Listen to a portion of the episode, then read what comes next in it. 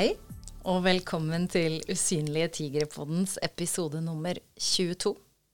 Jeg heter Jeanette Flagstad, og i dag sitter jeg her med et av de menneskene i Norge som må ha størst hjerte. Jeg har fått med meg Jeg, jeg sitter her nesten og kjenner på en glede og en lykke som, som er eh, helt uh, umotståelig. Det er Bjørg Toralsdottir. Tusen takk. Så hyggelig å ha deg på besøk her, Bjørg. Ja, takk for en veldig koselig introduksjon. Ja, Jeg ble men, helt rørt. ja, men du er jo en person som Hvis jeg skal liksom Om man googler deg, så finner man masse hjerter. Masse kvinner, jenter, damer. Sterke. Tro på deg selv. Alle mulige slags følelser. Du uttrykker så mye i ditt kunstnerverk. Det er litt også fordi at jeg har hatt behov for de bildene selv også, når livet har vært vanskelig. Og at jeg har trengt nesten sånne hustavler. At bildene mine blir nesten som hustavler som du kan bare se på hver dag. For hvis du fòrer deg med 'dette klarer jeg', 'dette kommer til å gå bra', um, 'jeg er sterkere enn jeg tror', bare fortsetter å fòre deg med alle de sitatene, så er det helt utrolig hvordan For det du leser, det går jo inn Og så blir det en del av hverdagen din og en del av hvem du er. Og så er du sterkere enn du tror. Og du får jo til hva du vil. Den eneste som kan stoppe deg, er jo deg selv. Så det å lytte til deg selv når du leser alle de budskapene, det har vært viktig for meg. Ja. For å finne styrke når jeg virkelig har trengt det. ja, fordi en ting er sånn hvis man ser på Wikipedia da, og lurer på hvem Bjørg er, så kan man jo få vite at du er født i 1974, og at du, at du var født på Island, og så ble du opp, eller du vokste opp typ i, i Bærum, Lommedalen, stemmer det? Ja! Ja! Innerst inne i Pocket Valley. Det er én vei som går inn i Pocket Valley. Du kan ikke kjøre gjennom Lommedalen. Det er liksom bare, det er en det er blindvei, liksom. Innerst inne i blindveien i Bærum. Der vokste jeg opp. Og, og, og som en motvekt til det, da flyttet dere jo bare rett ut til Sørøst-Asia, stemmer det? Mm, til Malaysia og bodde langt ute i jungelen. Det var helt, helt, helt magisk. Det var de viktigste årene i min barndom. Hvorfor det?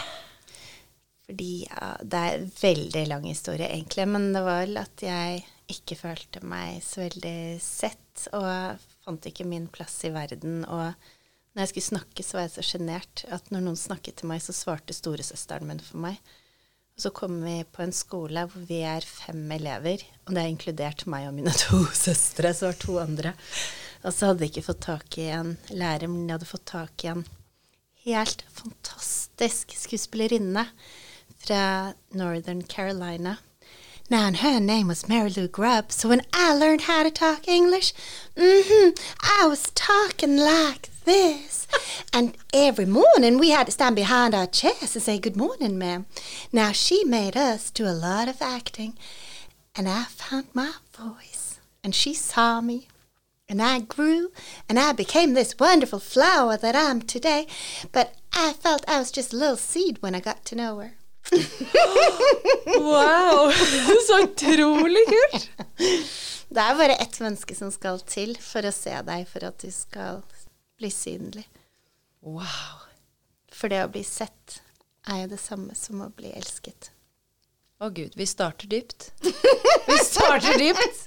Å gud. Og vi skal nok innom både det ene og det andre. fordi i denne episoden her, så, så i og med at denne podkasten dreier seg om rus, rusproblemer, eh, pårørende, hjelpetilbud En viktig del av det som vi gjør, er å bringe erfaringa fra ikke bare fagfolk, men de som, de som er, eh, har kjent det på livet, eh, inn i studio. For å bringe kunnskap og innsikt ut til folket, da. Og ikke visste jeg, da jeg for noen år siden mottok et veldig fint trykk av min svigermor, av en jente som står og holder armene ut, og så står hun og sier 'jeg skal stå støtt i min egen kjærlighet'. Og så visste jeg jo at oi, det er hun flotte, gode, hun hjertekunstneren. Hun Visste Bjørn. du hvem jeg var når du fikk Jeg hadde lest fordi at jeg hadde lest om hjertefred. Eh, og, og arrangementet som du har fått til, som vi kan snakke, skal snakke litt mer om senere. Så var jeg stolt over det hun ga meg da. Og apropos det med kjærlighet til seg selv, da. Fordi um, du har jo erfaring, du, som pårørende. Jeg, jeg har faktisk to erfaringer som um, har satt veldig dype spor. Og uh, sier at det er bare i oppoverbakken at man lærer.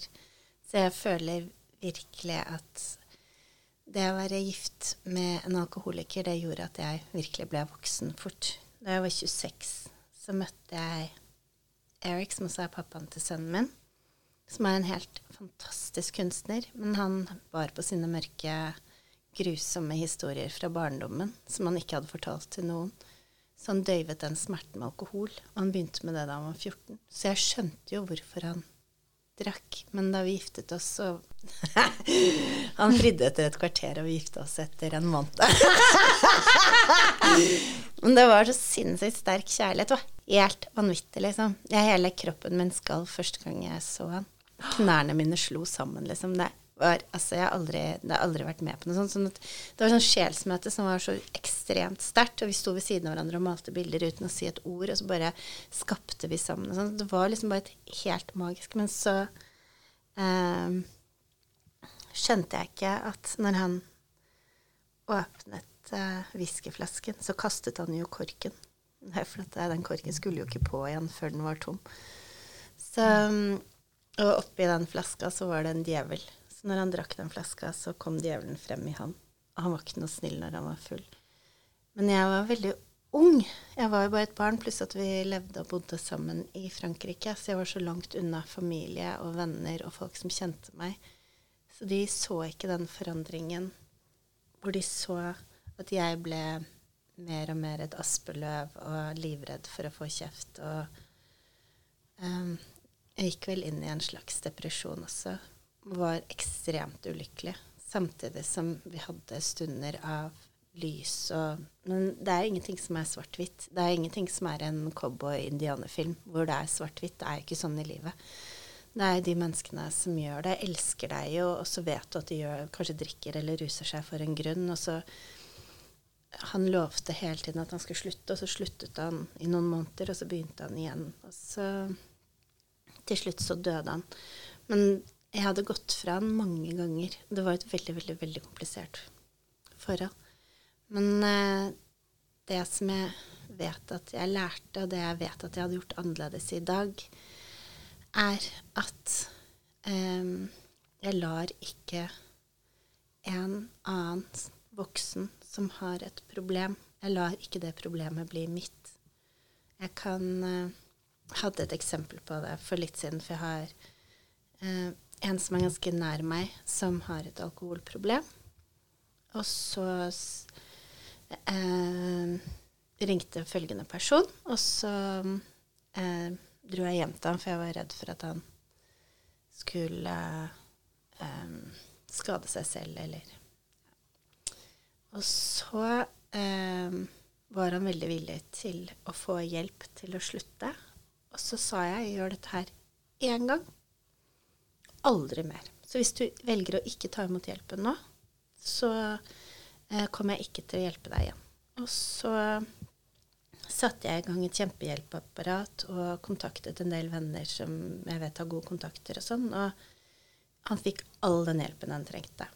Og så gikk det noen uker, og så visste jeg at han da liksom ble nykter en stund. Og så gikk det noen uker, og så ringte telefonen, og så hadde han kjempeproblemer og hadde gått på en ny smell. Og da sa jeg bare 'ring meg når du er edru igjen'. Jeg er ikke her for deg når du ruser deg. Bare glem det. Jeg, han bare 'Jeg kommer hjem til deg nå.' Og jeg vet at før så hadde jeg vært sånn 'Ja, kom hjem til meg, jeg skal ta vare på deg', og sånn. Men det er ikke snakk om. Det er ikke snakk om. For jeg, det funker ikke sånn. Eneste jeg tenker Dette er bare hva jeg tenker, men jeg har vært sammen med en narkoman og en alkoholiker. I to forskjellige personer. Um, og jeg har bare lært at det å være medhjelper, det å liksom alltid være der når de detter, det funker ikke når de detter hardt nok selv, det er først da de klarer å reise seg opp. Det er min erfaring. Det fins sikkert tusen andre erfaringer. Men eh, jeg sto så utrolig sterkt i det. Eh, da han ringte igjen og var helt fortvila og omtrent skulle ta livet sitt sånn, så var jeg sånn vet du, Ditt liv er ditt liv. Du bestemmer hva du gjør med livet ditt. Om du vil ta det, så er det ditt valg. Men jeg er her når du blir edru igjen. Men jeg skal ikke ha noen kontakt med deg så lenge du ruser deg. Og så tenker jeg bare Og da jeg la på, så var det sånn jeg hadde ivaretatt meg selv. Og jeg har ikke tatt et annens problem til meg selv. Og så har jeg satt grenser. Og for meg så handler det om egenkjærlighet også. At jeg tar vare på meg selv oppi det. For det å ta et annet menneske som har en avhengighet inni livet sitt, og gjøre det om til sitt prosjekt, da er du egentlig dømt til å mislykkes, tenker jeg. Mm. Og grunnen til at jeg virkelig lærte det, var at um, etter at mannen min døde, så um, ble jeg sammen med en fyr som var utrolig sprek og fantastisk. Og var helt sinnssykt god på ski. Det var da han gjorde ting på ski som liksom ingen andre turte, og kjørte ned sånne heng som var helt vanvittige og sånn. Og han, folk var liksom så Han var liksom Han var bare et atletisk geni, liksom. Um, jeg, det var jo det jeg lette etter etter å ha vært sammen med alkoholiker. Så ville jeg bare ha en friskis som kunne ta med meg og sønnen min på lange langrennsturer og sånn. Eller egentlig korte. Jeg er ikke så glad i langrenn. Korte Ja, med appelsin ærlighet. og Kvikk. Lunsj, faktisk. Ja. Um, men bare det å være ute i skogen og det å Og så merket jeg at ting begynte å forsvinne hjemme, og at hvis jeg hadde cash liggende, så ble det borte. Og, og sånn, og så etter hvert så bare skjønte jeg at fader, jeg er faktisk sammen med en narkoman. Og han hadde klart å holde skjult for meg, og han visste at jeg hadde nulltoleranse på det. Og da jeg oppdaget det, så kastet jeg både han Da hadde vi klart å bli samboer, så da kastet jeg både han og alle tingene hans ut. Og, så, og var fly forbanna på han og ba han om å dra til helvete. Og det gjorde han. han Ja. Enveisbillett. Han kom tilbake en måned senere, og da hadde han altså Det så ut som han hadde bodd på gaten en måned. Han så helt grusom ut. Og, eh, og da ringte jeg til moren hans, og så sa jeg at eh, hvis du øh, ønsker at sønnen din skal leve litt lenger, så må han på avrusning nå. Men det som skjedde, var at han kom tilbake en måned senere, så sa han noe helt annet enn da han dro. For da han dro, så sa han Bjørg, jeg elsker deg, jeg skal slutte for deg. Mens da han kom tilbake, så sa han jeg orker ikke mer, jeg vil slutte. Det var akkurat det jeg sa om det å dette hardt. Det er bare når du tar ansvar selv. Han tok ikke ansvar. Mm. Og så datt han så hardt, så hardt, så langt nede, at til slutt så var han sånn Nå vil jeg gjøre det for meg. Og det var først da han klarte det. Og så ble han kjørt på avrusning. Og jeg kom på avrusningen når det var sånn familiedager. Og nå husker jeg at de sa eh, at jeg skulle snakke med han, og jeg var så sint på han. Og jeg bare Hvordan i helvete kan du bli sammen med en alenemor med et lite barn og få det barnet til å se på deg som pappa? Og så er det det barnet allerede mista pappa sin én gang, og så vet du at du driver med dop, og så skal, liksom, skal det barnet miste pappa nummer to, liksom. Den jævla egoist. Jeg var, så forbanna. Så de som var på det avrustningsstedet, de sa at da jeg snakket med han, så så det ut som det kom lyn ut av øynene mine. For jeg var så jævlig forbanna, for jeg syns det er så, er så egoistisk. Mm. Og så, men jeg fikk i hvert fall ut alt sinnet mitt, og da um, og Han skjønte hvor skapet sto. Når du lyner Han ut ble av øya. faktisk kastet inn i skapet. Ja. og så eh, Med lyn etter seg. Ja. Og så ehm, Men det som skjedde, var at han tok ansvar. Og så ehm, eh, Og det at han falt så hardt ned, og det at jeg satte mine grenser, um, tror jeg var grunnen til at han kom ut og har aldri dopet seg siden. Og han hadde holdt på i mange år. Og jeg sier ikke at det var, det var absolutt ikke av meg, eller noe sånt, men for meg i den situasjonen, så var det det å kaste han ut på gata og bare si 'jeg har ikke ansvar for deg'. Det er ditt valg å dope deg. Det er ikke mitt prosjekt å holde deg unna det, for det er ditt valg, og du putter i deg de tingene der. Og det er liksom jeg har, Du får ikke lov til å være i livet mitt så lenge du holder på med det. Og jeg tok han ikke tilbake heller, for jeg, det var et tillitsbrudd. og ja, Så det nektet jeg. Men uh, vi ble gode venner etterpå og har uh, hatt kontakt. Um, ikke så mye, men liksom mindre og mindre med årene. Men det var i hvert fall sånn at jeg visste at det gikk bra med. Men det var utrolig godt for meg å stå opp for meg selv. Og jeg tenker det viktigste når man eh, har en som er avhengig rundt seg det, Jeg har aldri hatt en som eh, Mannen min var jo alkoholiker, men eh, det å ha en i din aller nærmeste familie, blodsfamilie, er jo noe helt annet, og det kan ikke jeg uttale meg om. Jeg kan bare uttale meg om hvordan det er å ha en kjæreste og en mann som du liksom kan kutte ut. Jeg vet ikke hvordan det er å ha en sønn eller bror eller noe sånt. Jeg klarer ikke, jeg klarer ikke å sette meg inn i det engang. For hvis sønnen min hadde begynt å gjøre det, jeg vet faen meg ikke hva jeg hadde gjort. For det å kutte han ut, det vet jeg det, sånn at det, Jeg er veldig god på å kutte ut kjærester, men jeg vet at jeg, det måtte til å se han falle helt ned i avgrunnen før han klarte å snu det, liksom. Hvor han bare hatet livet sitt så mye og skjønte at jeg vil ikke dette her mer. Mm. Og jeg lurer på under, Underveis i den det, det, mange på en måte kan Underveis når du er kjæreste, da, og du ikke vet det egentlig, det der når du begynner å merke at penger blir borte, eller ting blir borte og sånn mm. For noen kan jo den erkjennelsen på ta ganske lang tid.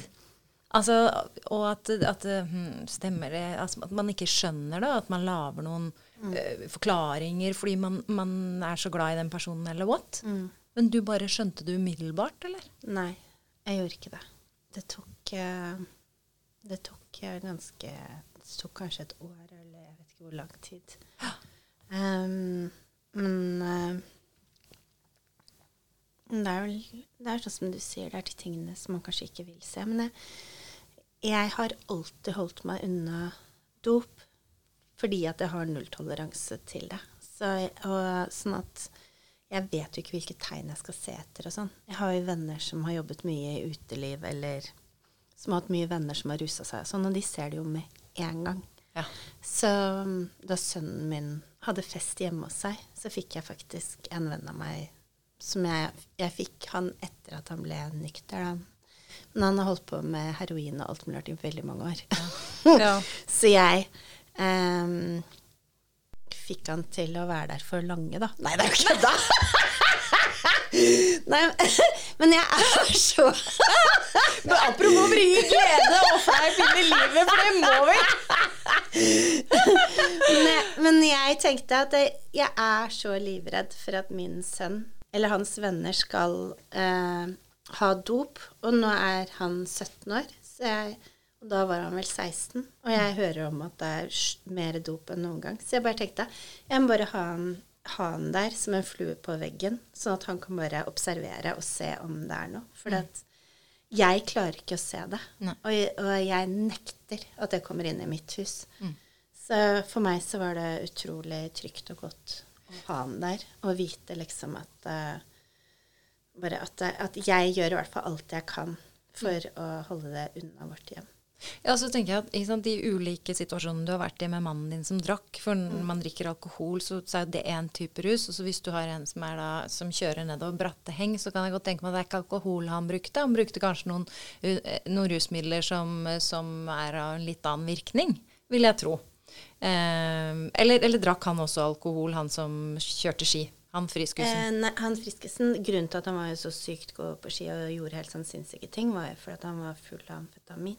Ikke sant. Det var, det, det var vel det Og kokain. Ja, ikke sant. Det er litt sånne stoffer som gjør at du, du er konge og mm. stuper utfor ting andre ikke nødvendigvis mm. tør å gjøre. Mm.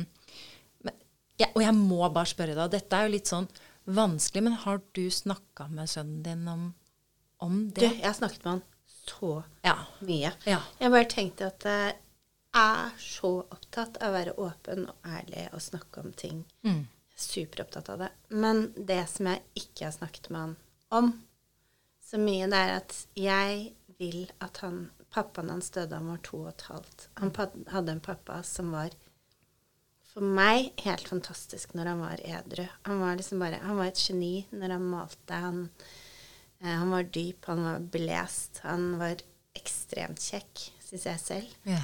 Og tiltrekkende. Fantastisk eh, estetisk sans. Han skapte liksom magi rundt seg uansett hvor han kom. Og hadde liksom eh, en fantastisk karisma, sånn at folk kom bare gående bort til han, for han hadde så sinnssykt utstråling. Og jeg vil jo at han skal bli husket for det, og så ikke at han skal bli husket fordi at han drakk for mye. Sånn at jeg har ikke hatt noe behov for å Jeg har sagt til han Jeg har vel sagt til han at faren hans var alkoholiker, men jeg, Én så vil jeg ikke at han skal tenke sånn Å, jeg har det i arvevevet mitt, så jeg kommer også til å bli alkoholiker. Og så blir det sånn, sånn tvangstanke på at du begynner å drikke, nesten. Eh, det har jeg vært redd for. Og så eh, vil jeg også at, at han skal bli husket for den fantastiske mennesket han var.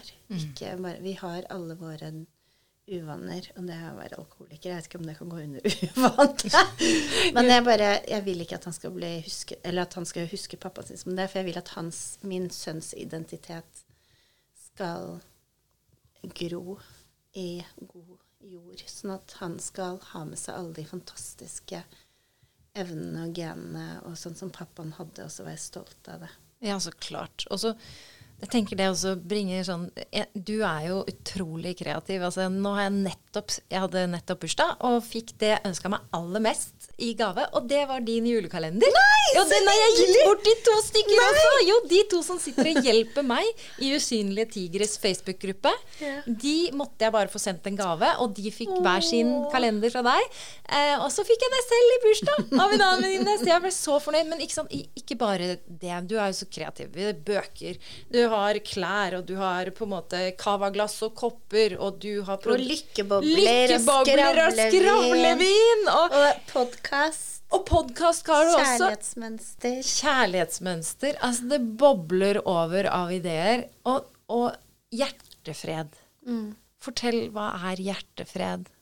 Jeg skal holde det kort, for jeg vet at vi begynner å bli, ikke ha så mye tid igjen. Men hjertefred er ehm, mitt eh, hjertebarn, på en måte. Jeg startet det da Eric døde, da 12 var to og et halvt. og Jeg ville at han skulle kunne minne sin far med bare kjærlighet og lys.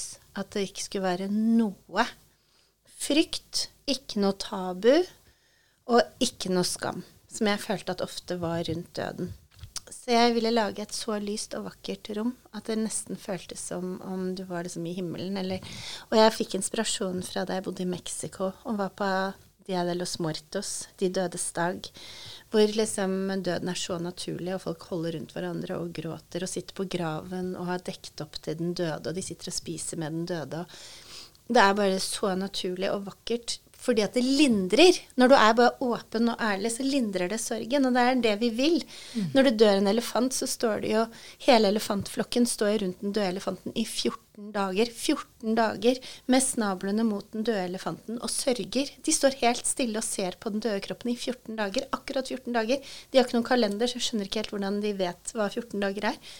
Og så, etter 14 dager, så går de vekk fra den døde kroppen. Og da mens de har stått rundt den kroppen i 14 dager, så har det kommet tårer. De har gått bort til eh, trær og dratt ned grener og lagt oppå den døde kroppen. Har på en måte begravet den. 14 dager står de rundt og sørger. Gjør ikke noe annet, bare står og sørger. Jeg tenker Det er akkurat det vi også trenger å gjøre. Vi trenger å sørge, og så har vi et samfunn hvor det ikke er tid til å sørge. Og sorg er så viktig.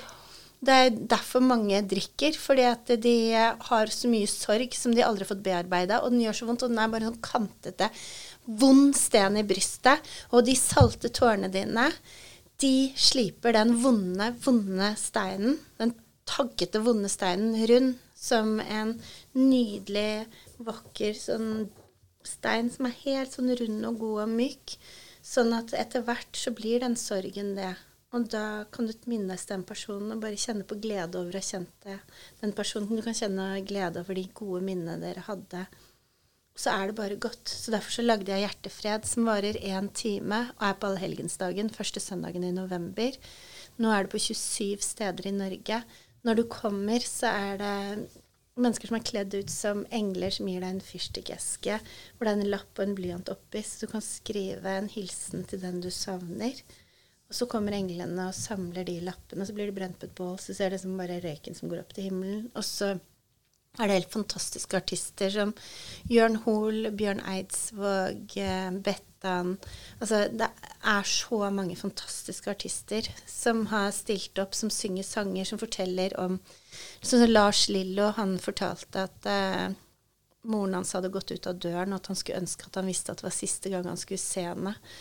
Og hvis han hadde visst at det var sist gang hun skulle se ham, så skulle han ha ropt etter henne 'Mamma, du er verdens beste mamma'. Og så spilte han en sang som han skrev til mammaen sin. Så det er liksom bare Og da satte han ord på det. Og plutselig så ser du gamle menn som aldri har fått lov til å gråte fordi de fikk beskjed om at de skulle ta seg sammen og være sterke. Plutselig ser du liksom 70 år gamle tårer som endelig får lov til å renne for en person de mistet for kanskje 75 år siden. Da de var en liten gutt på fem år og ikke fikk lov til å gråte. Det, vet du, er så, fikk ikke lov til å være med i begravelsen.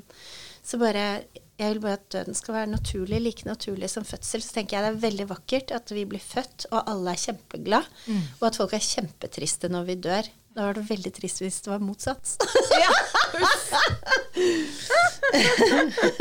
Åh, ja, gud. Og du, vet du, da, da må jeg bare nevne en ting til. Fordi vi som er i relasjon med noen som er rusavhengige, og altså når det dreier seg om avhengighet av rus, så ser vi gjerne på tre ting. Alkohol, eh, vanedannende legemidler, for det er jo ganske mange som spiser piller de får av legen sin, og spiser for mye av det. Og så har du de illegale rusmidlene. Mm. Når folk forandrer seg pga. de rusmidlene de inntar, så blir de ofte litt annerledes. Og vi må forholde oss til dem sånn som de da er. Eh, noen kan jo bli seg selv igjen i perioder. Sånn som ikke sant? Stoppe opp litt og ta en pause og sånn. Men noen ruser seg jo hele tiden. Og fortsetter å være en annen person. Eh, og vi har nettopp eh, delt en anonym historie på Facebook-gruppa vår, Usynlige tigre, hvor det er en mamma som har stått i dette i snart 30 år. Og hvor hun ser barnet sitt. Barnet er over 40 år og har holdt på nå i snart 30 år med amfetamin og hasj og piller og alt mulig rart. Ikke heroin, ikke bo på gata, ikke sånn som Petter Uteligger sier.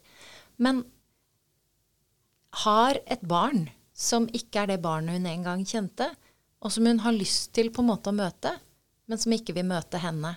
Som trenger penger, men som hun ikke kan gi penger til. Fordi at hun må sette grenser. Og den hjertesmerten, den sorgen over å ha mistet det barnet sitt, eller den broren sin Så er det enda verre, for at, eh, han er jo ikke død. Så du kan ikke, det er ikke sånn ferdig avslutta. Så kan du gråte masse og ha en sorg, men det er en sånn evig sorg. En evig sorg. Og det får meg til å tenke Vi skulle jommen hatt noen markeringer av hjertefred for de som står i pårørendesituasjon også. For de som er der fortsatt, men som likevel ikke er der. For jeg tror det er så mange mange pårørende som egentlig trenger å gråte. Men, det, så det er så vanskelig å få det til. Men det har jeg vært veldig opptatt av med hjertefred. Så har jeg sagt at hjertefred er for alle typer sorger. Det er um, Da Eric døde, så tenkte jeg ofte på de som har vært gjennom uh, vanskelige skilsmisser. At jeg har tenkt at jeg, jeg tror faktisk det, noen ganger så er det mye verre å skille seg. For den personen fortsetter å leve med en annen, og du elsker han kanskje fortsatt, og så har han valgt en annen kvinne og gått fra deg, eller Det er liksom Det er mye ja. Så eh, eller, eller om det er det at du har mista sønnen din til en sekt, eller til narkotika, eller til ja, det, til en psykopat, til Det er liksom Ja. Eh, sånn at det, for meg så handler hjertefred bare om å ta sorgen alvorlig. Fordi at det bildet vi ser på Instagram og Facebook av folks eh, fasadeliv, det eksisterer ikke på ordentlig. Alle våkner opp av og til og har ikke noe lyst til å komme seg ut av sengen. Mm. Og jeg tenker at det å bare synliggjøre det, og så ha en kjempevakker dag, og det tenker jeg det er egenkjærlighet, å omfavne deg selv med omsorg og kjærlighet. Og tenke, at nå, nå er det nok å bare være. Jeg skal bare få lov til å gråte de tårene. Jeg skal ikke ta meg sammen, men jeg skal ta meg på alvor. La følelsene komme. Og sånn før vi avslutter, så tenker jeg jo altså jeg snakker om, Vi snakker om skam. Du, du lagde hjertefred for å liksom Vekk med skam. Vekk med tabu rundt døden. Ja. Og vi snakker i Usynlige tigre mye om vekk med skam, vekk med tabu rundt rusmisbruk og rusavhengighet. Fordi at rusproblemer skjer i alle familier. Absolutt alle. Ikke bare de familiene som man vet ikke var så gode vekstvilkår da, for barna. Jeg vet, jeg hadde, hvis jeg bare ser på min egen familie, så har jeg hatt en bestefar som har vært superalkoholisert. Og ødelagt eh, mye av barndommen til mammaen min og sånn. Så det er jo overalt. Men tilbake til skam. Ja, ja tilbake. Hva? Hvordan får vi bort skam? Er det ved å snakke om det? Jeg tenker at å få bort skam handler om at uh, uh, Det handler bare om uh, egen innstilling. Og så tenker jeg at skam er det å, hvis du tør å snakke om ting og la, la det bare komme ut. Akkurat som når du har satt ord på ting som du er skamfull for, så plutselig oppdager du at folk ikke misliker deg eller hater deg eller degraderer deg fordi at du har opplevd det, eller fordi at du har vært i det, men at du er like verdifull. Mm. Så det å sette ord på det er ekstremt viktig. Og så eh, Jeg kan bare snakke ut skam ut fra meg. Jeg har opptatt... eh, jeg, jeg, jeg har eh, jeg har blitt voldtatt. Og så for meg å fjerne den skammen, så var det å tenke det skjer ikke en voldtekt uten en voldtektsmann. Det er ikke min skyld. Mm. For å fjerne den skammen. At uh, en hendelse kan ikke skje. Det er ingen som kan ruse seg uten rusmidler. Det, det er liksom bare Men mest av alt så tenker jeg bare det å bare være åpen og ærlig og drite i den fasaden. Og så kommer folk til å bli så overrasket når de ser at hvis du slipper fasaden, så er det faktisk mye lettere å elske deg. Når du bare er 'Her er jeg. Jeg er sånn her. Jeg er kjempeflink til noe, elendig på andre ting. Jeg har gjort teite ting. Jeg har gjort bra ting. Jeg er et menneske. Folk elsker deg når du tør å stå frem og bare si vet du hva, sånn er det. Og alle har opplevd det. sånn som du sier med alkoholisme. Bestefaren min var alkoholiker. Alle har en alkoholiker eller narkoman i familien sin. Jeg kjenner ingen jeg som ikke har det. Så jeg tenker hvis vi alle bare kunne vært Tenk så deilig hvis vi alle bare kunne vært ærlige om det. Tenk så fantastisk. Ja. Og snakket om det. Og i Norge så er det så mye fasade. Og jeg har jobbet med en kvinne som fotograf. Hun har reist rundt i hele verden og tatt bilder av kvinner som har blitt mishandlet av mennene sine og tatt bilder av blåmerker og alt. Og hun sier at av alle land hun har vært i, så er Norge det verste. Fordi at hun sier at i India, når nabokjerringa hører at hun blir banka opp, neste dag når hun hører at mannen har gått ut på jobb, så går nabodama opp med varm, varmt vann og en klut. og eh, en kopp med varm chai-te og banker på og sier jeg hør, hørte at du ble banket opp i går, jeg skal ta og stelle sårene dine, og her er en varm chai-te, og så snakker de sammen. Mens du sier at i Norge er det helt ekstremt, for der hører naboene kanskje at du blir denga og banka, men det er ingen som kommer bort, det er ingen som banker på døra di. Det er ingen som Alle later som de ikke ser det. Du går med solbriller neste dag, og folk klarer å skimte deg, men det er ingen som sier du Jeg hørte det i går, jeg ser at du har blåmerke. Hvordan går det egentlig? Mm. Jeg er her. Du er ikke alene. Så hvis vi bare begynner å sette ord på ting Det er helt magisk. Helt magisk. Ja, At folk får vite at de ikke er alene i sin situasjon. Ja. Det fins andre der. Sammen er vi sterkere. Nettverk gjør oss sterkere òg. Mm. Og sånn helt avslutningsvis, så siden jeg har gleden av å ha deg i studio, så tenker jeg litt på livsglede òg, da. Det er jo litt herlig å slutte på en litt upper. Ja, men vi må jo ha glede. Vi har sittet og skålt i caffè latte på havremelk i dag. Og, og, og, og skålt litt over uh, gleden. Men hva er egenkjærlighet? Og, og, glede. Vi som er pårørende, vi trenger jaggu å bli minna på hva det er for noe. Åh, så dere står så vanvittig på. Jeg har bare all respekt. All, all, all respekt ha egenkjærlighet for meg er på en måte som å være sin egen kjæreste. og, så, og å tenke på seg selv som sin egen datter. Og når du gjør ting, så tenker du Hadde jeg satt datteren min i den situasjonen her? Hvis svaret er nei, så skal du i hvert fall ikke gjøre det. Gjør det. For du er den viktigste i ditt liv. Hvis ikke du har det bra, så har ikke de menneskene som er rundt deg, det bra. Mm. Derfor så mener jeg at man ikke skal ofre seg for andre på en måte hvor man mister seg selv. Fordi at da mister de som er rundt deg, deg. Og barna dine lærer respekt gjennom deg. Og hvis du respekterer deg selv og dine grenser, så lærer barna dine å respektere seg selv og sine grenser. Det du gjør mot deg selv, kommer barna dine til å gjøre mot seg selv også. Så når det er situasjon, alltid tenk hva ville jeg gjort hvis det var min datter som var i samme situasjon? Mm. Oi, det For du er den viktigste personen i ditt liv. Og hvis vi skal Og da er det bare sånn fantastisk quote Ja. um, som heter I can only give you my love through my happiness. Oi. Og det um, Og hvis Jeg bare tenker at jeg drev og data en fyr for ikke så lenge siden, og så sier sønnen min til meg Mamma, hvorfor gidder du å date han? Jeg ser at du ofte er så lei deg. Oi. Så barna våre Og jeg trodde at han ikke plukket opp noen ting. Så jeg tenker at det vi har å gjøre for barna våre, det er faktisk å ta godt vare på oss selv, for da lærer vi barna våre å ta godt vare på seg selv. Det er ikke egoistisk. Men det er selvutslettende å ikke ta vare på seg selv. Og sette andre foran deg selv hele tiden. Og egenkjærlighet kan være å ta seg et bad. Det kan være å høre på en podkast. Det kan være å tenne lys. Det kan være å se en hyggelig serie som man liker. Det Og egenkjærlighet er også at hvis du har det vondt, å oppsøke hjelp. Jeg tenker at vi bruker milliarder på egenpleie. Det har aldri blitt brukt så mye penger på spa og massasje og alt mulig rart noensinne i verden. Og kvinner har spesielt, ja, og menn har det har aldri vært like mange psykiske problemer og sånt. Så, mm. og ulykkelige mennesker og selvmord. Og jeg tenker at indrepleie er det viktigste. For du kan gjøre så mye du vil av sånne ting, men hvis du ikke har det bra inni deg, så varer ikke den massasjen lenger enn den timen som du har tatt den. Mens eh, de terapitimene varer resten av livet. Det er virkelig egenkjærlighet å ta seg selv på alvor. Bare nå i koronatiden så jeg har tatt 120 timer med terapi én til én. Og jeg har det mye bedre. Så, Så det er egenkjærlighet.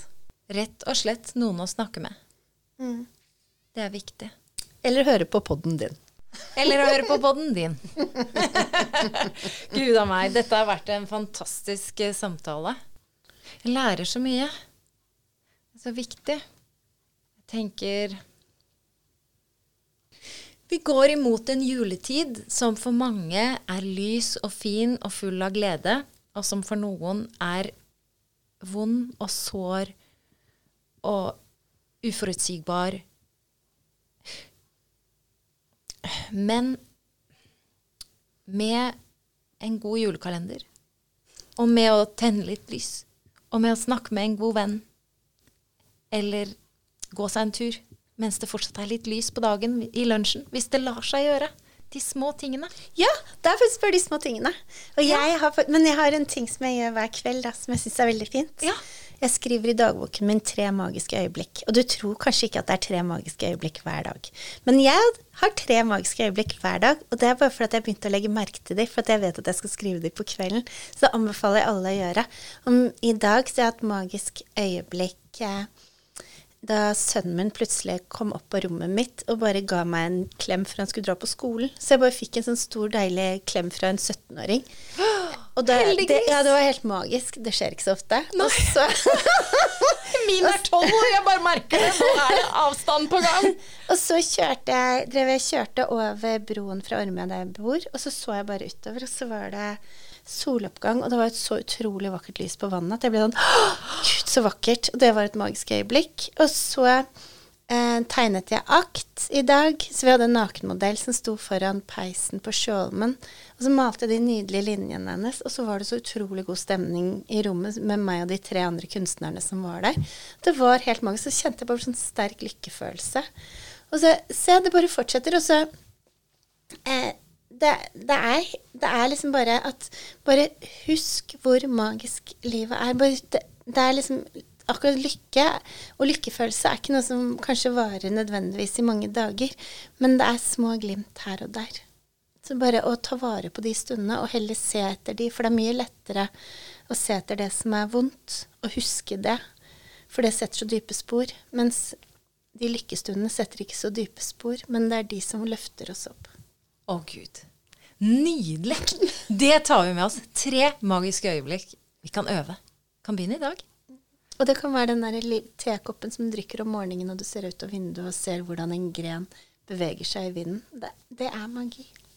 Og vi er jo ikke her på denne jorden så fryktelig lenge, så vi får nyte de øyeblikkene vi har. Og med det tenker jeg at vi kan eh, si tusen hjertelig takk for at du ville komme i dag. Tusen, Jørg. tusen takk for at jeg fikk komme, og at dere orket å høre på meg og alt raske som har skjedd i livet mitt. Du, fantastisk. Som har gjort meg så fryktelig klok. Å, du er blitt så klok. Å, Gud, og så deilig at du deler. Å, nydelig. Tusen, tusen hjertelig takk. Så takk til alle lytterne. Ja, tusen takk.